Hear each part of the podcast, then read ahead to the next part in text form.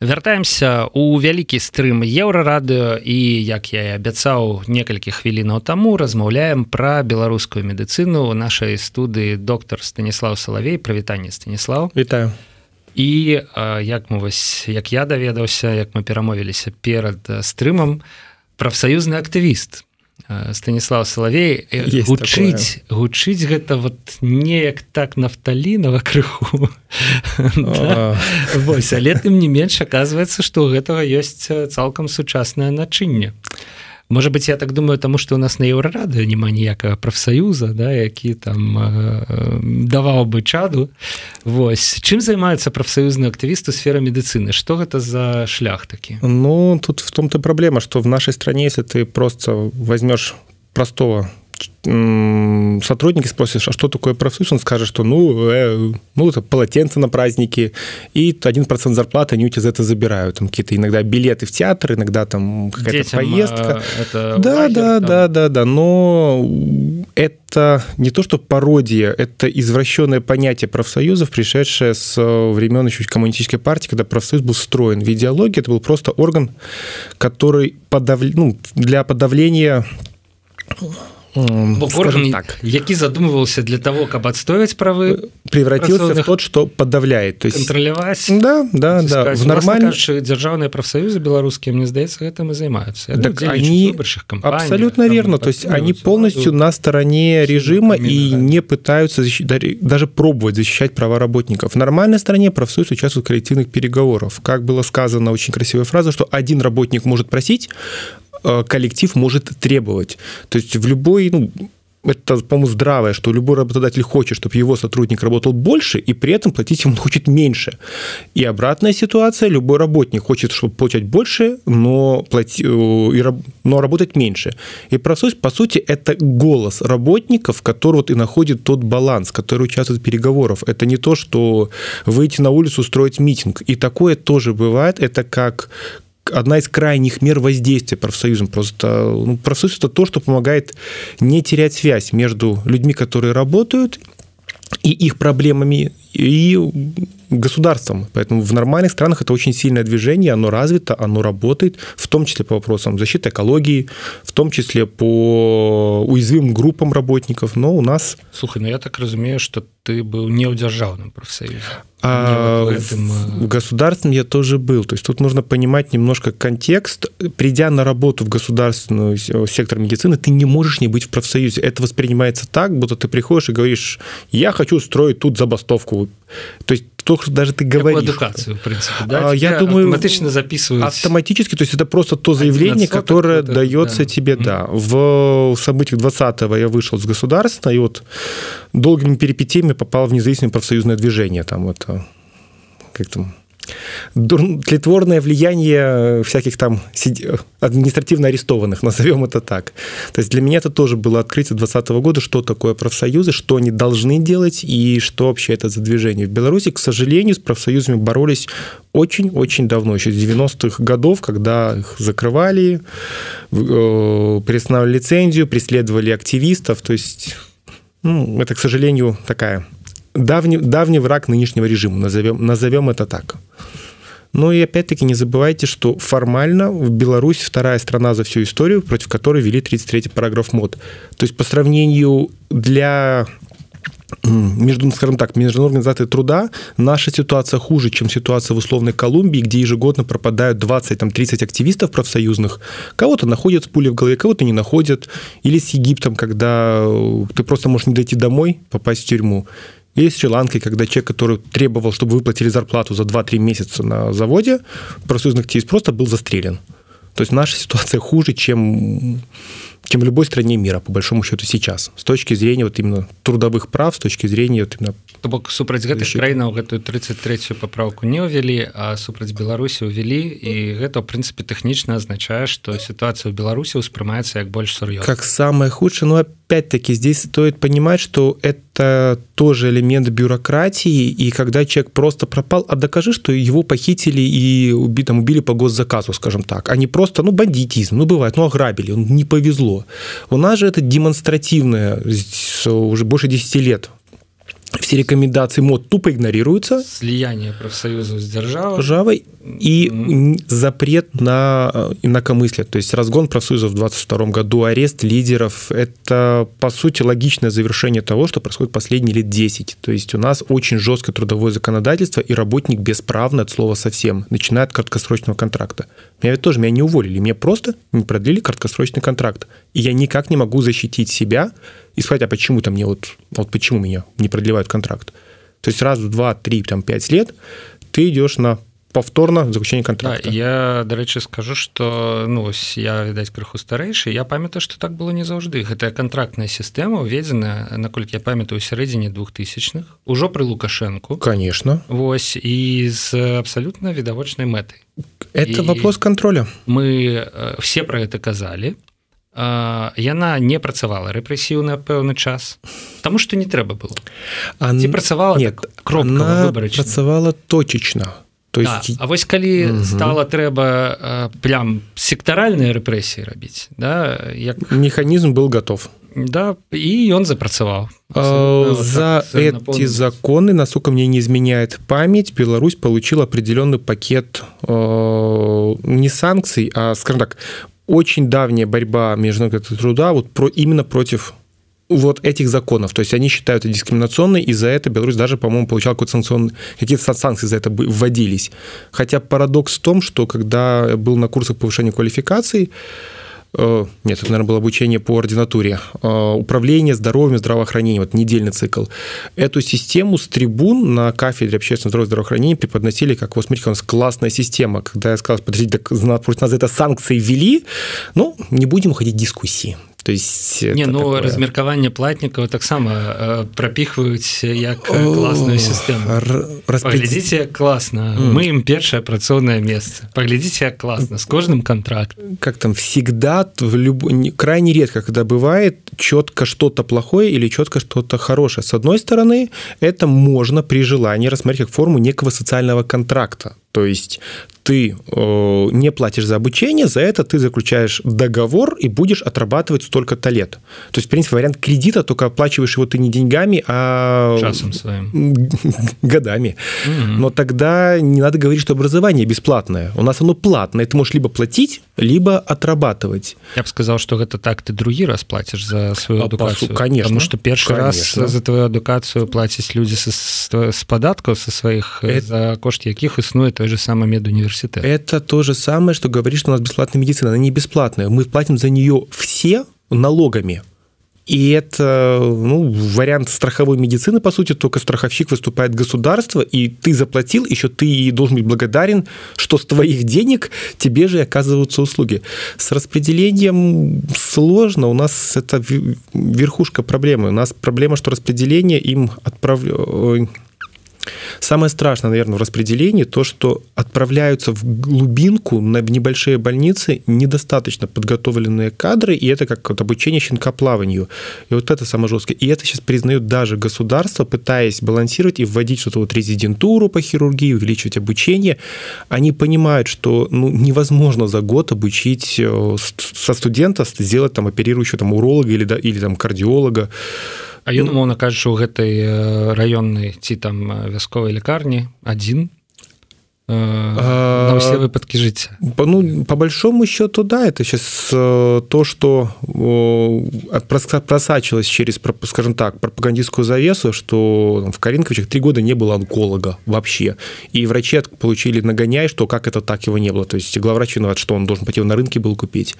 И проблема текучки. То есть приходит ты пришла врача он два года на работает причем он по сути учится в полете называется уезжает на его место приходит такой же бок только ён ну, в принципе набіў руку набыў нейкіе компетенции ну вот понимаете там... как эта фраза поставить с другой стороны он набил руку то есть приезжает не специалист который автономно может работать не боясь совершить ошибку понимая, что он идет, а приезжает человек, который еще доучивается в процессе на людях. То есть у нас порог вхождения в специальность, он низкий. Нигде в мире вы не найдете, чтобы врача там, например, там, ну, мне по специальности просто чуть легче говорить. В Украине три года учатся гинекологи после выпуска из университета, чтобы могли работать. Во Франции, по-моему, до пяти лет это доходит. У нас пожалуйста, года хватает. Более того, есть э, в прошлом по году или в начале это был принят закон, который сократил переподготовку по некоторым специальностям. То есть, если, к примеру, я, живя в Беларуси, решил, что вот там, я вот хочу стать там, офтальмологом. Мне нужно 4 месяца обучения в академии после образования, чтобы я получил право работать офтальмологом. То есть из кардиохирурга в проктологи 4 месяца и наоборот – и по закону ты формально можешь делать все, что может делать кардиохирург. По ряду специальностей это вообще было упразднено. Теперь, если я работаю терапевтом, приходит мой главный врач и знает, что с завтрашнего дня ты принимаешь как эндокринолог, и мы тебя в течение полугода должны отправить на курсы длиной в месяц. И ты был э, терапевтом, станешь эндокринологом. Но принимать ты уже должен принимать и уже должен работать как эндокринолог.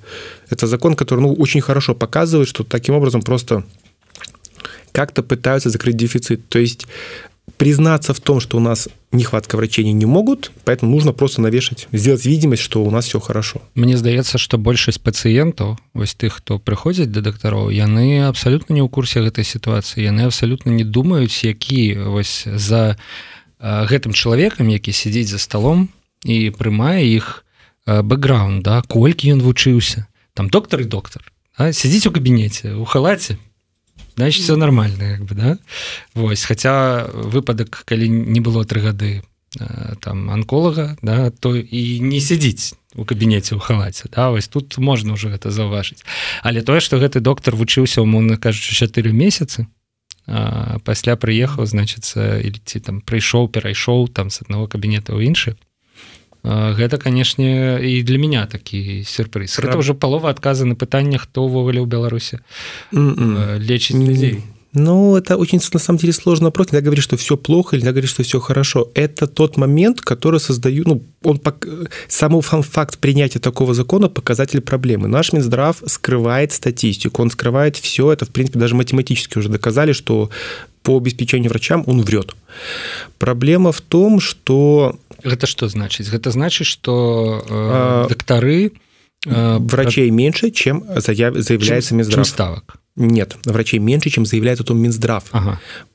ставок это такая больная тема переработок то есть у нас игнорирование трудового законодательства, и по факту ну, сложновато найти врача, который работает на голую ставку. Обычно все работают с переработкой. При том это доходит до 32-часовых смен. Когда ты пришел на работу в понедельник утром, уходишь во втор... в 4 там, часа дня во вторник, а в среду ты опять приходишь на работу и спокойненько идешь на вторые 32 часа. Сутки через сутки такой мрачноватое выражение.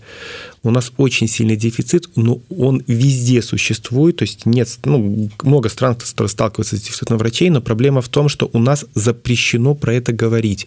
То есть у нас система неудобная ни для пациента, ни для медика, но она должна говорить, что всегда все хорошо. Ты не можешь признаться пациенту, что у нас нет какого-то лекарства в больнице.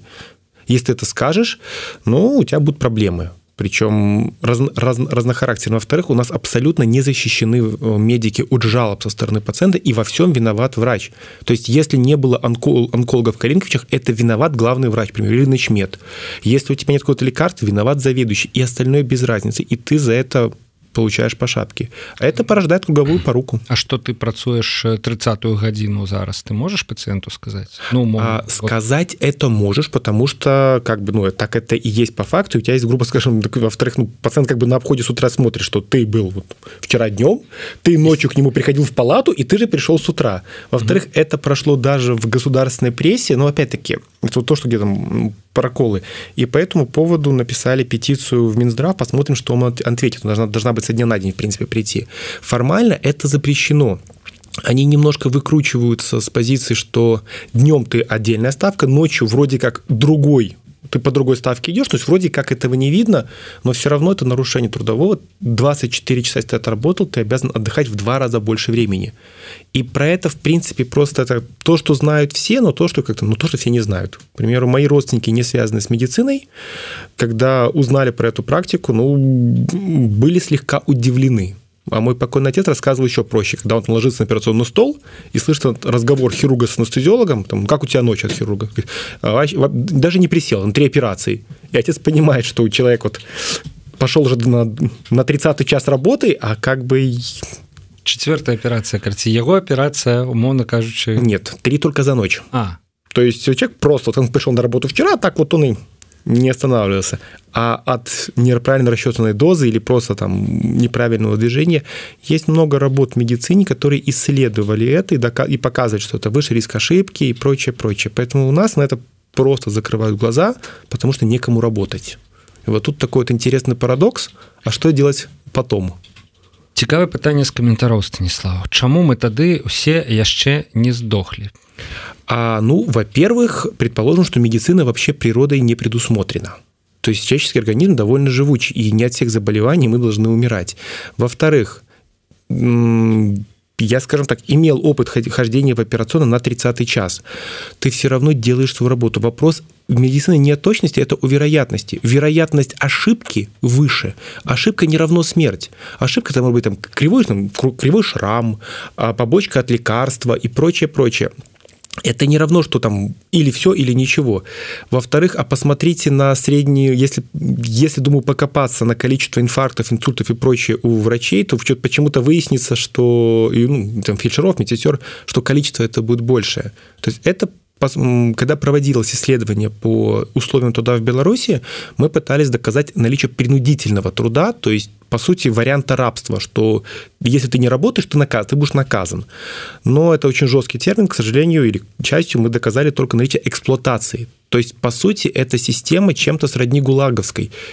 Тебе, ты, тебе приходит молодая кровь, и ты просто из нее выжимаешь в ноль.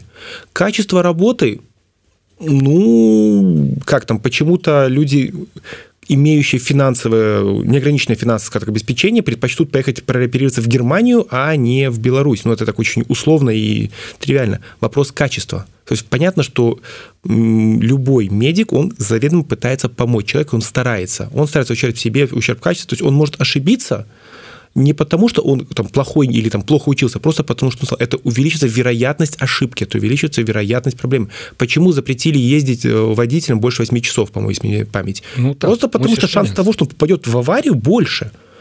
Но раньше-то они же ездили так, просто посчитали, что ну, ну так не должно быть, потому что ну не должно так быть. Но цікава что у класны прыклад про кіроўцу бок у кіроўцаў гэта як не любіць паўтараць тэхніка бяспекі напісаная крывёй. Да, і вот это правілы дорожнага руху там напісаныя крывёй. Калі мы бярэм такую масавую і то аўтобусы трапляюць у аварыі здараецца што кіроўца засынае за рулём то бок нават пры гэтых абмежаваннях да рызыку памылкі помылку выключить ну рызыка заўжды есть помылку выключить не врачебная да? ошибка это то что было есть и будет. Это не потому что там ты дурак а потому что это стечение обстоятельств которые невозможно было предусмотреть. То есть это бывает во всем мире это не подсудно. Ну, так есть... и доктор які выспался в принципе Конечно. может допустить помыл но вероятно. тым что вероятности. Но тут я могу ошутиться поэтому э, есть такая клиника в Клермон Ферран откуда ну, родоначальница можно сказать малоинвазивной хирургии в гинекологии. Они учат учились у пилотов самолета в первую очередь, и они учились у, у командов из Формулы-1 э, очень много в плане как расставить как расстановить людей в помещении как расставить технику взаимодействие и обучение у пилотов очень пилоты это те кто по сути должны работать так же как ну, врачи должны так же как пилоты. Максимально хорошо обучаться ты не должен паниковать ни в одной ситуации. Соответственно ты должен четко знать что делать при любом возможном осложнении чтобы вот эта доля секунды может спасти жизнь. У пилотов это и своя жизнь, и жизнь пассажиров, у врачей, ну, если говорить про хирургов, это жизнь пациента. Поэтому... Ну и командное взаимодействие. Безусловно. Угу. Поэтому, говорю, это действительно, они приглашали пилотов, по-моему, не с Боингом сотрудничали, приглашали э, тех, кто занимается сервисным обслуживанием Э, пилотов, ну, машин Формулы-1 угу. именно в плане расстановки, вот где провести, да, да, где провести провода, секунды, да, где провести провода, как поставить так, чтобы не было конфликта между людьми, чтобы там не в, в, во время какой-то там ситуации медсестра одна дернется в другую сторону, врач в третью, они столкнутся, потеряют время. То есть это очень серьезная наука, которая у нас ну, просто не уделяет времени, потому что ну, есть куда более большие проблемы. Базовые э, проблемы не вырашены, э, значит, нельзя вести далее. Разумеется, и тут, в принципе, вот вся та проблема, вось, напрыклад, дальше. ну крыху паспрачаюся з табой вось ёсць такая доктарка ольга садоўская яна стала вядомая тым што яна вярнулася ў Беларусь там па нейкіх сваіх справах там яе затрымалі і прымусілі яе даць інтэрв'ю у якім яна сказала да класная ў беларусі медыцына да паглядзіце там кардыалогія вот. Трансплантологія. я... Вот. Я там. про трансплантологию я отдельно проговорю. А про Ольгу я скажу только одно. Попади я в Беларусь, я, ну, скорее всего, я бы рассказал и то, что Луна состоит из сыра, и то, что Лукашенко наш президент, и даже сказал, что я изобрел велосипед.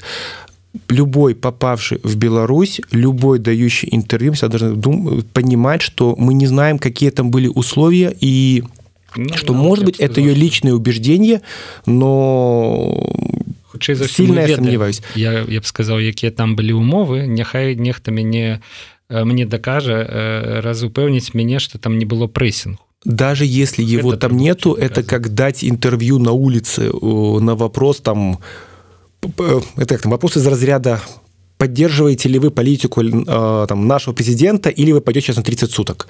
Даже формулировка вопроса, понимая, что бывает за носки неправильно в стране, угу ты даже если не будут бить, то есть само понимание того, что будешь наказан, это, есть, это то, что, в принципе, в том числе есть и в медицине. Все понимают, что нельзя. Есть вещи, про которые говорить нельзя. Нельзя говорить про осложнение, нельзя говорить про там, дефицит лекарств. Это все понимают, и про это даже говорить не нужно. Все прекрасно понимают, что будет, и если ты скажешь, это то же самое, как любое интервью. Ну, скажи ты пропагандисту что-нибудь не то. Куда ты пойдешь?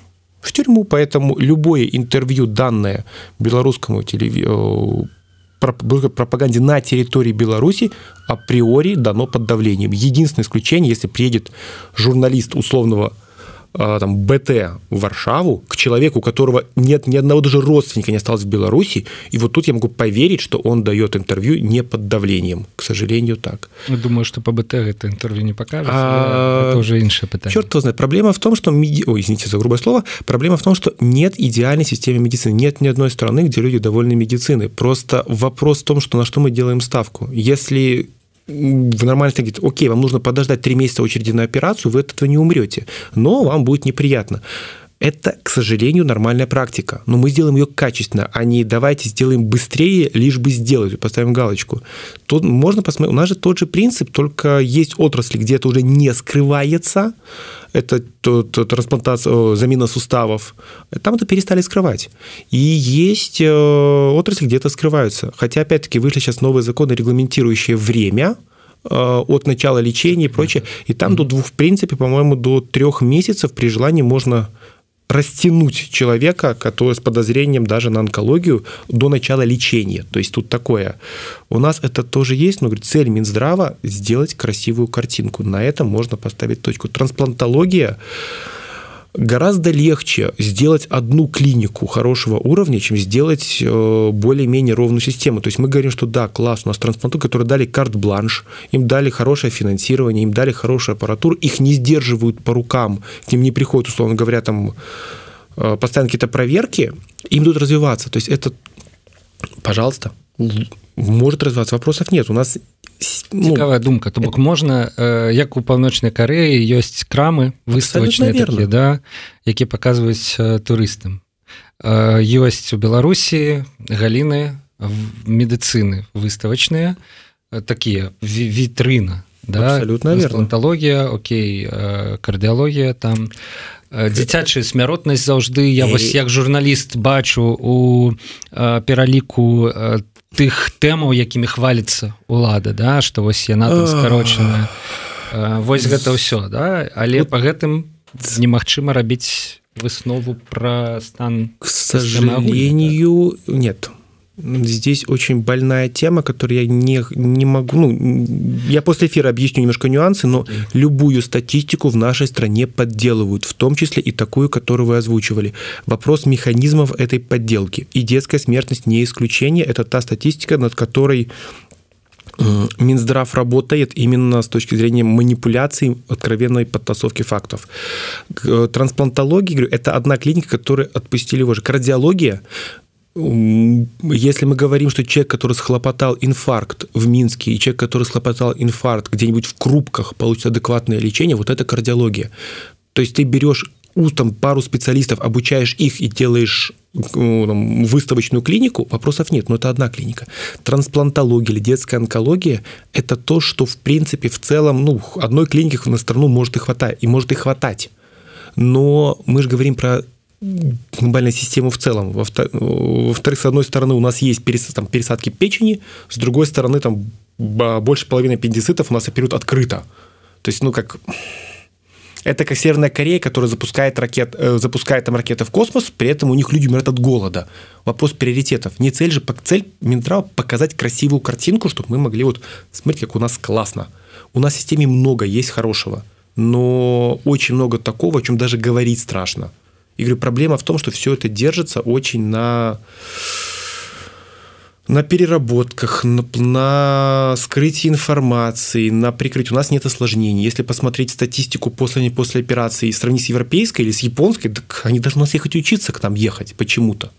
То есть это медицина очень сложная тема для объяснения. На самом деле объяснить нашу, то, что для меня очевидно, или для любого медсестры, или для любого очевидно как факт, но объяснить это нормально словами, это очень сложно, на самом деле очень сложно. Слухай, ну вось дактары якія працуюць унутры сістэмы яны ж бачаць гэта ўсё правильно яны камунікуюць адно з адным яны ўсе ведаюць про перапрацоўкі і гэтак далее вы не поверите что до двадцатого года я вообще не знал что у нас оказывается нельзя работать больше до четырех часов ты приходишь молодой врач в систему ты не читаешь законы делай как я ты смотришь что вот там твой коллега так работает ну я так работаю а ну а как по-другому-то то есть для тебя это просто ну, то, что само собой разумеющееся. Абсолютно верно. Это конвейер. Это вот та система, и все, как там, есть вещи, которые все, все понимают, но про них можно даже не говорить. То есть ты понимаешь, что пойти там главврачу, начать там, доказывать, что ну так вот нельзя, у нас там какая-то проблема, э, но это получишь по шапке. Это вот просто очевидные вещи. И ну, как все понимают вопрос картинки, когда, условно говоря, в трансплантологии покупаются самые современные аппараты без вопросов, а у тебя там три месяца лампочку не могут поменять на осветительном приборе в приемнике. То есть, ну, все это, это все понимают, но как там, ну, это система, которая сложилась очень давно. Это каста, не знаю, круговая порука. Это, это, очень, это очень сложно объяснить. И все все понимают, но никто про это не рассказывает. А вы с чему? няма прафсаюза няма аб'яднання няма няма надзеі на тое что нешта зменится все скажем так все пункты верны по большому счету все пункты верны и можно просто посмотреть была очень такая веселая статистика я думаю если мы взяли бы за там год 19 статистику института гёте посмотреть бы количество врачей я думаю бы все бы учили. То есть гораздо проще переехать, чем что-то пытаться поменять. Раз момент. А кому ты будешь говорить? Все эти разговоры не уходят из ординаторской. Потому что ты понимаешь, что будешь много говорить, да просто решишься работать, а просто не продлять контракт, потому что а зачем ты такой, который тут права качаешь или рассказываешь, что что-то не то. Ты можешь жаловаться, можешь плакать, можешь ныть, тебя будут жалеть твои коллеги просто по-человечески, потому что ну, все через это прошли. Это, же говорю, эта система чем-то мне очень сильно напоминает ГУЛАГ на самом деле, вот этот механизм. То есть это конвейер, с которого очень-очень сложно выйти. І пры гэтым вось што мяне здзіўляе то бок з аднаго боку гэтае вось начальства яно ўсведамляе недахоп дактароў з іншага боку яно гатова звольніць колькі заўгодна дактароў любого доктара які там вось незручны да які пачынае качаць правы які на якога прыйшоў там з КДБ умоўна ліст да і гэтак далее гэтак далее добро калегі атрымліваецца гатовыя э, подставіць плечо замяніць взять на сябе расцягнуць на сябе яго гадзіны ну тому что тому что что тому что трэба ратаваць людзей кожны дзень Конечно. так разумею то да? есть забастовка медиков хотя и это тоже присутствует и во всем мире и ну отдельно называется тема, а, всегда воспринималось, что а как это, а кто будет лечить? Вот это тот момент, на котором очень активно, в принципе, власти, считаю, и сыграли, подавив э, недовольство постепенно. Хотя вначале солидарность была и очень сильная, и в нашей клинике был пример, когда отстояли от сотрудника от увольнения, именно по причине того, что просто все отделение завтра положим вам на стол увольнения. Такое было, но все это упирается в то, что а, то есть ты они сволочи, да, но а, а люди-то в чем виноваты? Те, кому нужна операция, те, кому нужно лечить. То есть это вот та моральная дилемма, которая очень сильно подкашивает. Хотя, я говорю, забастовки, ну, говорю, и медики тоже бастуют. Это ситуация та. То есть есть разные формы забастовок. Есть э, там, итальянская, когда мы выполняем все приказы, э, все инструкции, инструкции да. по плану. Хотя, опять-таки, если сейчас в Беларуси потребовать работать по закону, вот без переработок и прочее, это стопроцентный паралич всей системы здравоохранения. Она просто станет, потому что некому будет выйти на работу. Если будут соблюдаться нормы вот соотношения труд-отдых, вся система просто становится. И вот в том-то весь и парадокс, что даже если все меняется, очень много вопросов остается, что делать внутри системы медицины, потому что Э, экономику, условно говоря, ты можешь взять кредит и как-то под, ну, подушку безопасности создать и позволить там какие-то временные меры и прочее.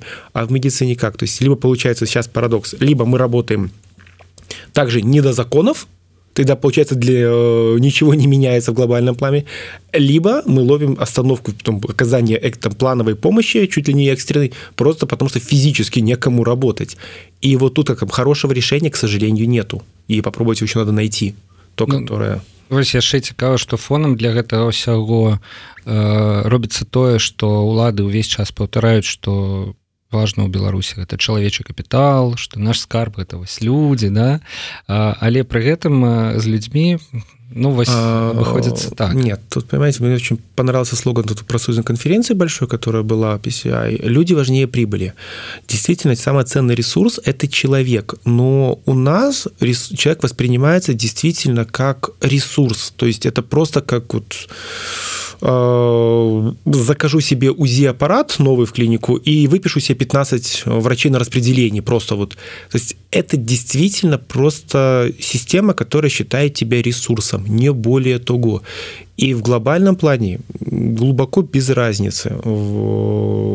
Властям человек, им важно, чтобы просто вот это трудовые ресурсы, вот это, наверное, самое правильное. То есть ты для них просто рабочая единица, которая должна работать, и желательно умереть в первый день своей пенсии.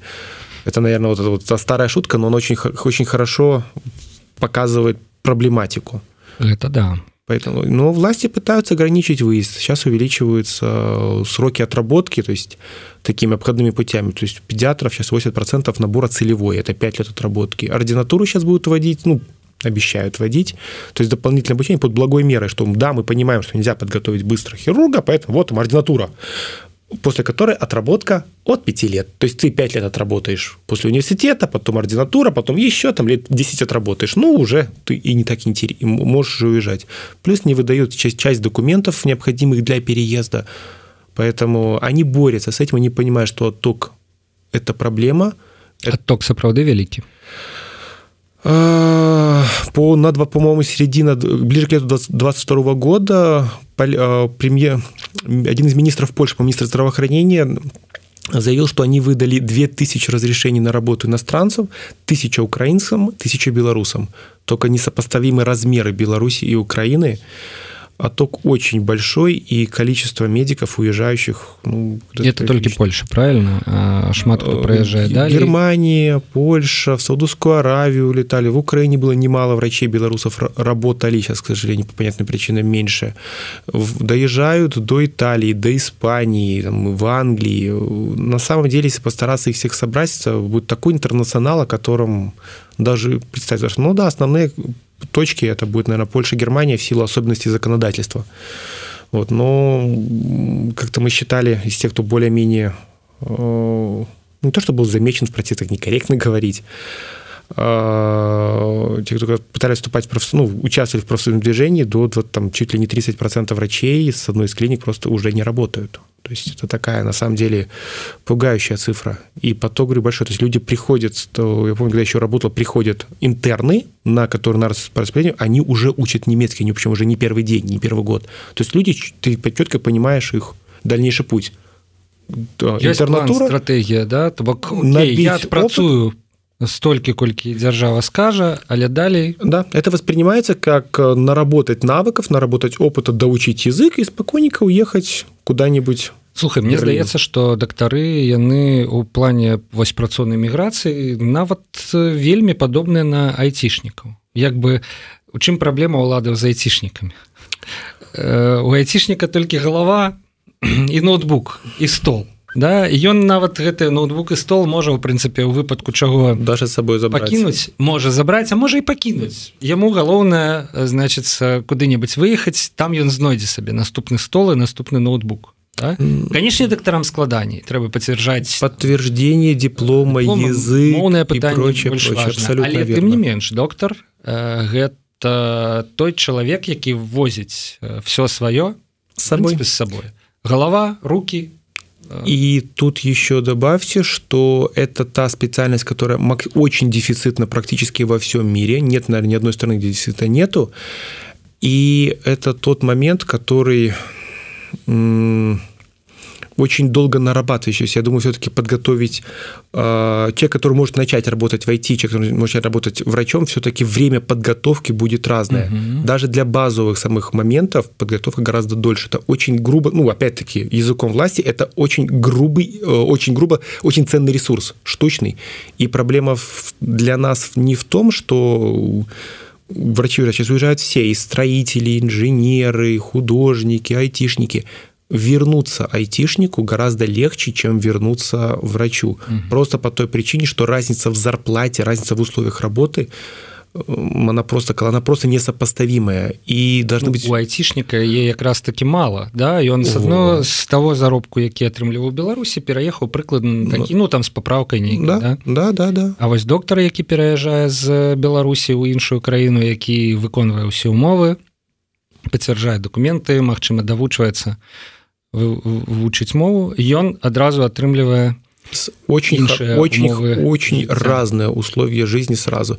Во-вторых айтишник бывает ситуация что можешь переезжать между странами при этом продолжать работать на той же работе которая тебя устраивает в той же команде. То есть переезд не равно смена работы для врача ну, это, к сожалению, полностью смена, и вернуться обратно я буду счастлив, если хотя бы там процентов 5 вернется домой. Это будет чудо на самом деле. Ведаешь, про докторов тут у Польши распавядаюць. Э, я думаю, что все ж таки показка про то, як адмаўляюцца э, уласнікі кватэраў здаваць беларускім дактарам жыллё часам таму што кажуць слухце ну яно ж для вас занадта танная вы ж пожывеце паўгода пасля захочаце пераехаць э, у пентхаус да?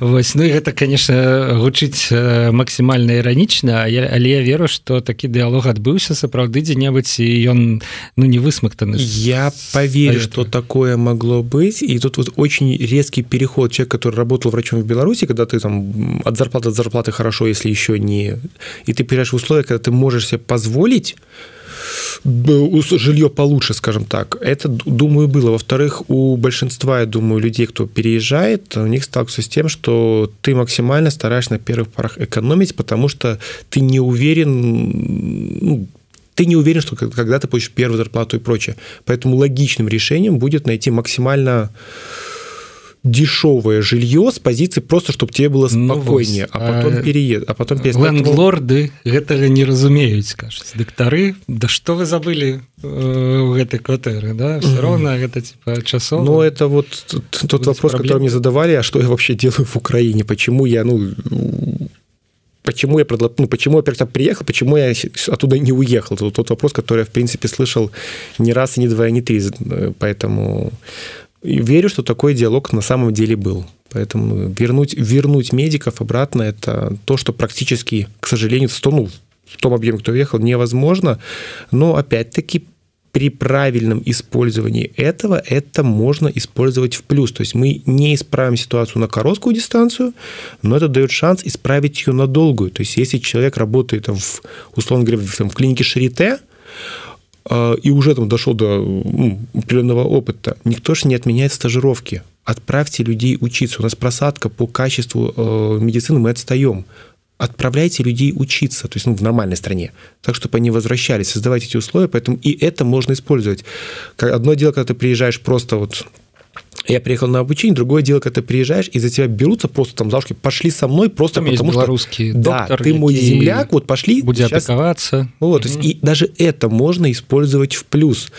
Можно опять-таки с обратной стороны предложить ну, доктору, который там работает уже 15 лет в Шарите, слушай, а вот давайте вот вы на месяц, вот на ваш отпуск приедете в Минск, понятно, что мы не можем вам заплатить, как вам платят в Германии, но вот просто вот на ваших идейных чувствах, а мы обеспечим вам жильем, просто поучите наших докторов на месте, то есть это самое хорошее обучение для врача, не только когда он едет куда-то, а когда приезжает там эксперт, и ты в твоей операционной, он с тобой там оперирует, и что делать, то есть, когда ты в своих условиях учишься, это, вот это тоже можно использовать. И я думаю, что вот на такой вариант пойдет ну, найдутся те, кто будет готов приезжать и просто учить, просто потому что ну, любовь к родине. При этом, да, я понимаю, что там, я не вернусь, но сделать что-то хорошее для Беларуси я сделаю. Это тоже тот ресурс, с которым нужно работать и который ну, можно пытаться использовать. Поэтому очень важно просто, что делать потом. Ну дажыць бы конечно да это потом але э, думаць про гэта потом безумоўна цяпер а да да, да, да і про гэта у нас дарэчы быў папярэдні стрым з палітолагам павла мусавым мы якраз разбіраліся чаму няма стратэгіі на той выпадак на гэты выпадак да ну рабіць заўтра і гэтак далей здесь тот вопрос на который я из того разряда что каждый должен заниматься тем что он умеет э, я не знаю не знаю там тактики партизанской войны, с тактики свержения режима. Я, я в этом ничего не понимаю. Я что-то понимаю в медицине, и я понимаю, где а, у нас проблема. Опять-таки, я не эксперт в области там, переходного периода в здравоохранении, и там, о, давайте мы сделаем вот это, вот это. Я понимаю, где может быть прокол, где будет проблема, и попытаться как-то сейчас собрать там экспертов, которые бы этим вопросом бы занимались и думали, что нам делать после, когда все рухнет, чтобы не оказалось, чтобы мы сидели, ну, давайте теперь подумаем, что делать. У нас не будет это. К сожалению, это время будет ну, желательно план иметь загодя. Да. Об этом нужно думать заранее. Сябры ставце калі ласка лайки гэтаму відэа подписывайтеся на youtube канал еўрарадыо калі вы ў бяспецы. Мы размаўляем зараз пра беларускую медыцыну. У нас у студы доктары прафсаюзны актывіст станіслав салавей. Такая тэхнічная абвестка. І мы сапраўды размаўляем пра беларускую медыцыну. Шмат чаго мы сказалі. Я так разумею что у адна з прычынаў з якой ты апынуўся ў варшаве гэта тое што не проста не аднымі размовамі да а ёсць фільм зняты фільм пра рэалій беларускай медыцыны сістэма ахова здароўя рэпрэсіі над дактарамі. І гэты фільм мае пакуль што загадкавую для мяне назву гупоз у якой тры літары вялікія дзве э, маленькія паспрабуйце здагадацца ўвогуле э, якія да? Расскажы калі ласка про гэты фільм что означае назва?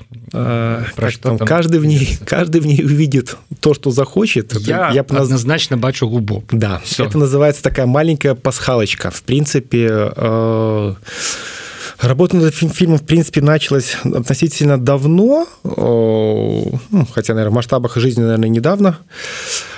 Проблема, вот это та проблема, которую пытались решить. Показать то, что нам очевидно, медикам, показать это обычным людям. И тут, конечно, ну, проделана очень большая работа, как я считаю, а, Татьяны Гацуры Еворской. Она попыталась перед то, что ты даже рассказать не можешь, то есть мы друг друга понимаем, то есть для нас настолько понятно, что даже словами не выразишь.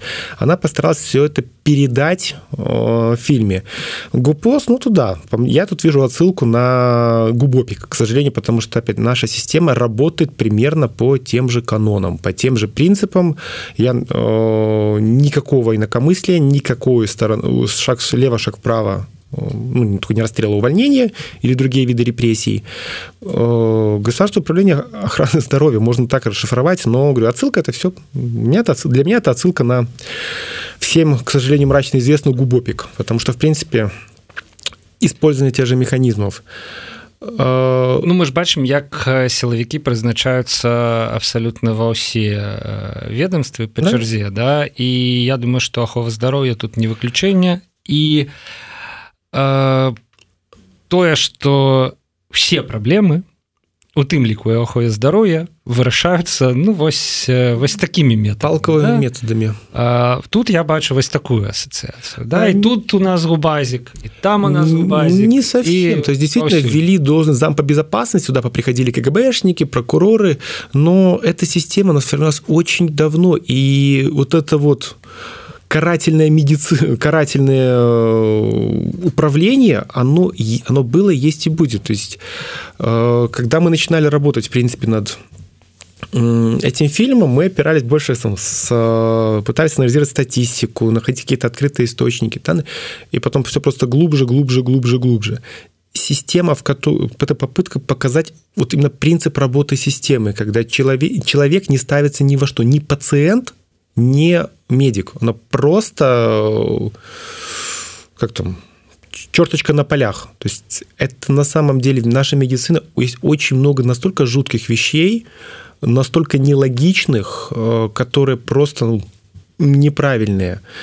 Э, там есть, ну, понятно, что увольнение, то, что было 2020 год, когда и увольняли по спискам, черные списки, когда врачи не могли устроиться, когда там садили, когда арестовывали, это все относительно новое для системы, но вот это вот переработка и работа просто э, в конвейере, когда ты в физическом смысле засыпаешь в операционной, это ну, не событие 2020 года. Тот факт, что ты не имеешь права сказать, что у тебя чего-то в больнице нет. То есть у тебя дилемма, либо ты говоришь, что ну, чтобы поправиться, нам нужно вот это лекарство, но его сейчас нету, но ты не можешь этого сказать, потому что это в лучшем случае ты там слопочешь выговор, и у тебя лишат часть зарплаты. Это в лучшем случае. В худшем ты просто потеряешь работу, причем волчий билет, опять-таки, так называемый, это не изобретение 2020 года. Это было, есть и это будет. И опять-таки очень сложно показать то, что затрудняет работу над фильмом. У нас в, в корне при, нам ну, просто вот со студенчества мы никак, нельзя сдавать своих. То есть даже если мы не защищены, и даже если допущена грубейшая ошибка, ее все равно будут покрывать просто потому, что свой своего не сдают. Это действительно круговая порука. И как вот с этой системы выходить? То есть моя мотивация работы с этим фильмом была показать, пока мы не покажем проблему, ну, ты ничего с этим не сможешь сделать. То есть о проблеме нужно говорить. Это вот тот момент, когда о проблеме нужно говорить. А, это вот то, наверное, что изначально было выставка «Машина дышит, а я нет», то, что, собственно, откуда мы с Татьяной познакомились, это была та же проблема – показать систему. И вспомните, как на нее отреагировала власть. Закрытие, аресты и все как по накатанной. Об этом нельзя говорить. Это тот секрет, который нельзя выносить за пределы профессионального сообщества. То есть у нас все хорошо, у нас есть все, у нас самая лучшая медицина, мы можем все, даже голову пересадить. Но реалии, ну, на самом деле, там есть очень жутковатые, скажем так, подробности, то, как происходит все на, на самом деле, и то, что пациент никогда не увидит. И, и самое страшное, что многие мои коллеги, как и я раньше, считали, что ну, ну да, такая система, ну, ну работаем, ну мы ж, мы ж помогаем, мы ж пытаемся помогать. Ну, Слухай, ну вось для мяне для чалавека які так шчыльна апошнія тры гады а, ну плюс-мінус апошнія 20 гадоў знаходзяцца з галавой у інфармацыйным парадку дня вось гэтым да там будзе што-небудзь новае зразумела что у вось на тых людзей якія бачаць толькі э, знешні бок сістэмы аховы здароўя вось якія прыходзяць уласна да людзей у белых халатах э, і якім кожны дзень дапамагаюць там і так далее да? Я думаю что там будзе шмат адкрыццяў. Вось э, такія нейкія вот моманты зусім цікавы скажем так отшучусь что не буду спорить на э, предложение съесть газету если что-то произойдет угу. но во время работы над, над этим фильмом местами был удивлен даже я хотя в, в медицинскую скажем так повестку я погружу ну на такого плана, как ты имеешь в виду, я погружен, ну, мягко скажем, очень сильно. Даже я был удивлен от того, что мы периодически находили, что мы периодически выкапывали. То есть, я думаю, будет чем тебя удивить.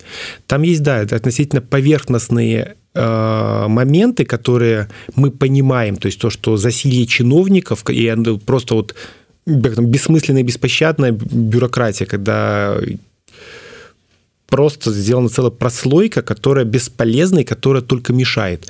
Это понятно, это, я думаю, ты и так прекрасно понимаешь. Но я думаю, сможем удивить даже такого искушенного зрителя, назовем это так. Окей. Э, пытаются в комментариях, где поглядеть, как называется фильм, ну, как называется, мы сказали уже, да? Э, э, может быть, крыху не, не, не акцентовали, «Гупоз» называется а фильм. Я потом могу сбросить ссылку. Фильм отснят и готов? Да, фильм отснят угу. и готов. 2 числа э, будет показ в, в Белорусском молодежном хабе. В Варшаве? Конечно. Угу. После чего фильм будет доступен для просмотра уже на YouTube. То есть, в принципе, если вы не в Варшаве, ничего страшного, чуть-чуть позже, но вы все равно сможете увидеть. Есть страничка в Инстаграм, где ну, есть чуть-чуть больше про этот фильм рассказывать. Я могу, в принципе, если хотите, вам ее просто перебросить, прикрепите к комментариям, кто захочет посмотреть. То есть отдельный момент, наверное, фильма, за который как там вот, такая очень веселая в кавычках история, очень неплохой, хороший пример есть проблема в том, что всегда можно обвинить э, людей, ну, скажем так, меня в том, что я там рьяный оппозиционер, там, противник режима, и хочу очернить всю систему. Ни в коем случае. То есть у нас действительно есть талантливейшие врачи, у нас очень много чего в стране хорошего, и ни в коем случае не скажу, что у нас там все плохо в медицине. Нет. У нас есть очень много проблем, но как-то не, все так не все так нельзя, нельзя все очернять. Там использовалась в том числе диктофонная запись, сделанная, наверное, не совсем, не совсем законным путем э, во время моего общения с главврачом. То есть, когда было объявлено о создании профсоюза медиков э, в составе э, СПБ, Свободного профсоюза белорусского, но это, у меня к тому времени уже были, был уже второй арест прошедший, и вот меня а, вызвала главный врач в кабинет. К сожалению, на тот момент уже были истории, по-моему, из РНПЦ неврологии нейрохирургии, если я не ошибаюсь, когда такой вызов для сотрудника, он-то заходит, там очень вежливые ребята в балаклавах, и он оттуда уходил на арест. Угу. Вот, поэтому я предупредил друзей, что если что, как там куда я иду, и если вдруг будет какое-то со мной покаянное видео, прошу считать его угу. данным под давлением, то есть такая там мрачноватая. И, но при этом я включил диктофон по принципу, ну, просто как-то на автомате. Нехай будет. Да, и там наговорилось, к сожалению, не все это попало в фильм, там гораздо больше информации, которые, то есть проблема еще в том, что уложить все то, что мы понарыв... все то, что было найдено в фильм, было сложно от слова совсем. То есть там материала был гораздо больше. В частности, те данные, что выходили по... Отдельно можно снимать целый фильм по исследованию по условиям труда медикам, по эксплуатации. Там этого уже хватит на целый фильм. Но... Ну, будете спин-оффы снимать. Да. Сиквелы, приквелы. Сиквелы, приквелы и прочее. Mm-hmm. И частично вошло это в диктофонную записи. Там были просто прекрасные фразы в духе «и вообще зачем...» То есть меня она пыталась убедить, чтобы я написал заявление по собственному желанию, хотя мне контракт там оставалось меньше полугода но неубеждаемый оказался. И там были просто брошенные фразы в беседе в духе «и зачем? Вообще зачем мне независимые профсоюзы, у меня есть нормальные зависимые. То есть это вот просто вот так открытым текстом. Ну, там много интересного она наговорила, и в принципе... Бок в принципе, у гэтым э, супрацьстаянні за працоўныя гадзіны за заробкі яна не на баку калектыва это было отдельное означае когда я на ён я не ведаю я, яна, она, да? это угу. Наталья Саевич привет угу. передаю когда я вышел со второй то есть изначально когда я вышел со второй моей отсидки написал заявление что я выхожу из профсоюза мне вот собственно как меня втолкнули в независимые это втолкнул в том числе наш профор которая ну, провластный сказал что тогда я лишаюсь благо или там бонуса, как дежурство. Я теперь должен работать, не могу теперь дежурить. А я довольно въедливый в слова и полез разбираться. Вот так разбирался. И мне, в частности, это вот тот момент манипуляции людьми, когда почему там люди, медики перерабатывают. Немногие же хотят добровольно приходить с утра и работать до утра. Тем более, что в медицине очень много там, до, по-моему, 70 чем-то процентов женщин, а, и, скажем так, часть, некоторые из них могут сказать, что, или мужчин, что я вот не хочу работать, я хочу быть на ставку. И все равно даже так этого очень сложно избежать. То есть многие врачи, которые, особенно там, людям ближе там, к 50, кто тоже физически тяжело, они говорят, я не хочу, но я дежурю, потому что все дежурят. И вот эта манипуляция, что если ты не будешь дежурить, кто-то же будет, и ты будешь виноват перед вот этим другим коллегой, который угу. из-за тебя больше работает. То есть мне ставили в укор, что я э, такой редкостный гад, позволил себе отдохнуть 15 суток, и за меня там должны были работать мои коллеги. И вот это же прием используется в качестве давления на людей, что я не, ты не хочешь дежурить, значит, а, а другой будет дежурить. И их пытаться будут стравливать из позиции, с позиции что там, тебя, чтобы тебя съедал, съедал твой же коллектив. Поэтому это такое, такая манипуляция есть. Поэтому да. Интересного, она наговорила очень много интересного. І... Гэта, дарэчы вяртае нас да сярэдзіны нашай размовы да я пытаўся цябе пра то чаму дактары Э, ну не паўстаюць умоўна кажучы да супраць гэтых умовах і адказ твой быў што не ўсе ведаюць увогуле свае правы і заканадаўства да другое это вось гэтая кругавая парука кругавая парука. ты ведаеш што калі ты не выйдзеш угу. замест цябе давядзецца працаваць э, твайму калегу і да гэта субсуе ведаць нет на самом деле это все упирается в то что почему давятся профсоюзы если вы если бы был более-менее нормальный профсоюз, это бы решилось проще. Тут есть логичный вопрос. Хорошо, а почему моя проблема, что у вас, как у главного врача, не полный штат? То есть вот, ну, как бы логика, это с больной головы на здоровую. Для этого и должны быть процедуры, которые помогают защищать права, а не, то есть не, не, с, тем, не с тем бороться. Вот, вот, вот в чем проблема. И опять-таки очень сильно же идет все, все главврачи, грубо скажем, это выходцы, с, ну, ты приходишь на работу обычным врачом. И как сказала Наталья Ивановна, мне эта должность очень дорого далась. Я, ну, то есть я не хочу, я не намерен ее потерять. Из этого мне проще уволить тебя, хоть ты хороший врач, ну, условно говоря, хоть ты хороший врач, но при этом я, моя должность мне дороже. И вот это тот момент, что как там, человек, знающий систему изнутри, который чего-то достиг в системе, очень не хочет ее потерять, потому что он станет опять таким же простым врачом, пойдет в ту же систему, то есть, ну, будет, слег, будет слегка неприятно. Хотя были главврачи, которые отказывались репрессировать, собственно, Максим Очередний, были главврачи, которые э, за это поплатились должностями, собственно, можно вспомнить РНПЦ детской онкогематологии, чем, чем оно называлось, э, что произошло? Просто сняли, просто сняли того, кто не хочет, поставили того, кто хочет. И это, в принципе, тоже такой определенный страх для любого что здараецца что здарылася з тымі дактарамі вось якіх э, якія ўзялі на сябе гэтую адказнасць не звальняць і якіх звольнілі саміх Э, с, я разумею, с Максимом Очередним я работаю в одной больнице в Украине. В Все, Украине, что могу я да. сказать. Ну...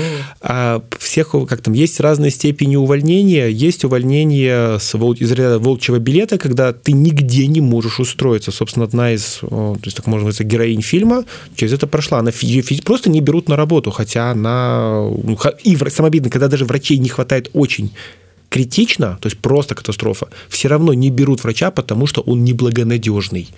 Кто-то уехал, кто-то остался, к сожалению, кого-то посадили, то есть тут такое.